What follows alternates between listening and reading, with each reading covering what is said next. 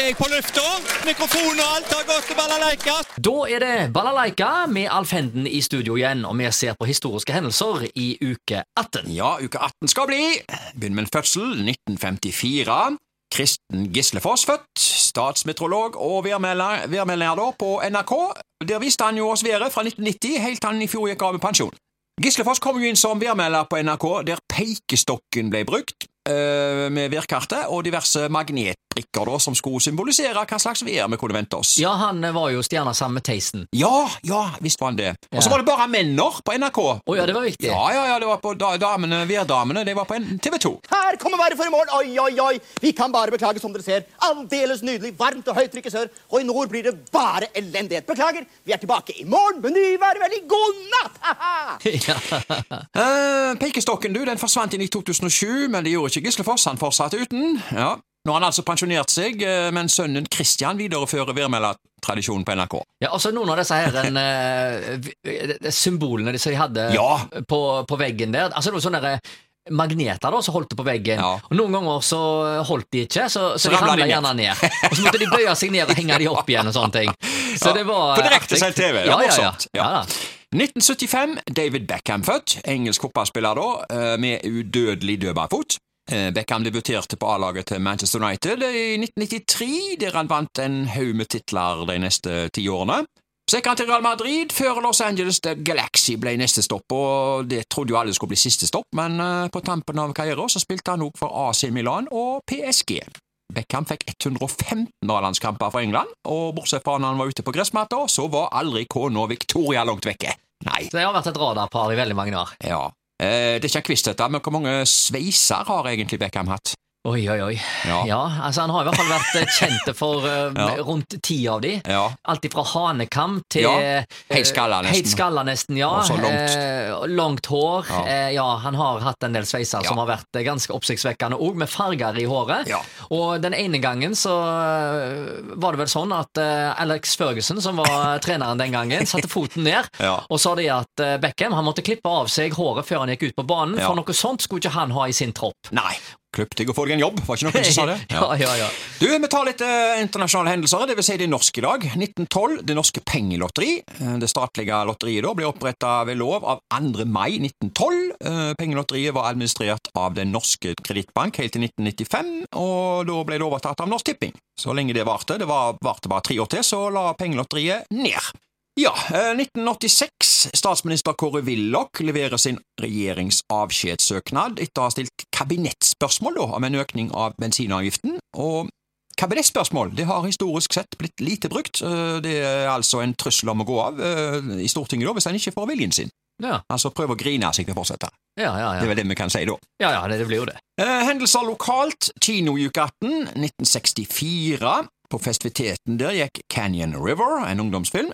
Sikk en voksenfilm, Hemmelig agents oppdrag. Og på Håndverkeren gikk Alle tiders moro, en barnefilm.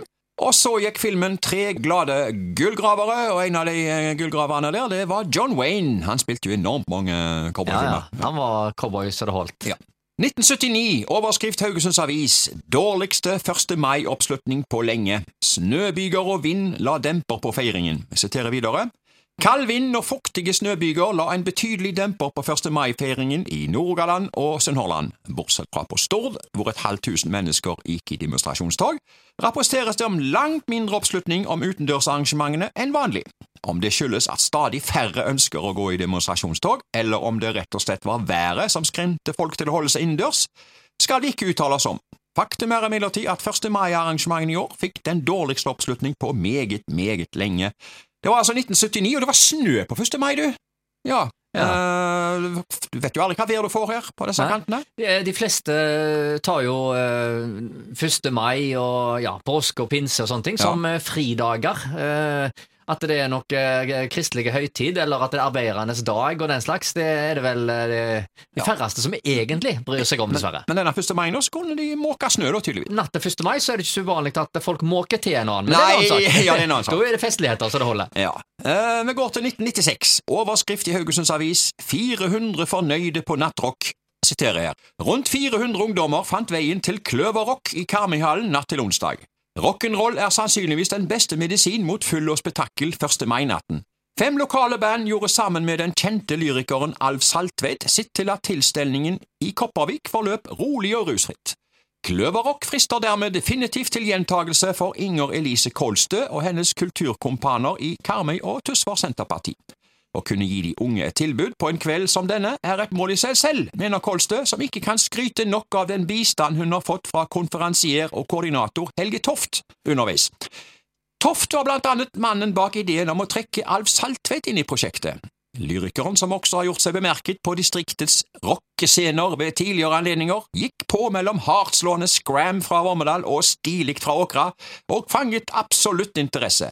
Tenåringene satt musestille da Saltvedt framførte sin kaféstemninger. Ja, Ja, rockefot, eh, Saltveit og Rockefoten, altså? ja, ja. ja. Ja, har, du, har vi hørt om den før, eller? Altså, Alf eh, Saltveit han er jo en sånn slags uh, rockepoet, Ja. uh, vil jeg nesten kalle han for. Veldig populær blant uh, unge. ja. Eh, og han er jo sånt eh, rett fram, eh, og pakker jo ingenting inn, inn i bomull. Og, og han drar han ofte så langt at det blir eh, rett og slett morsomt. Ikke jeg lest en gang i tida at han eh, har vært sånn Bob Dylan-fan? eh? Jo, jo, han Ja. D- Dylan-fan, blant Ja, annet. ja, ja, ja, ja, ja. Og, han syns òg at uh, Stones er bra greier. Akkurat, ja. Vet du om noen andre som liker Stones?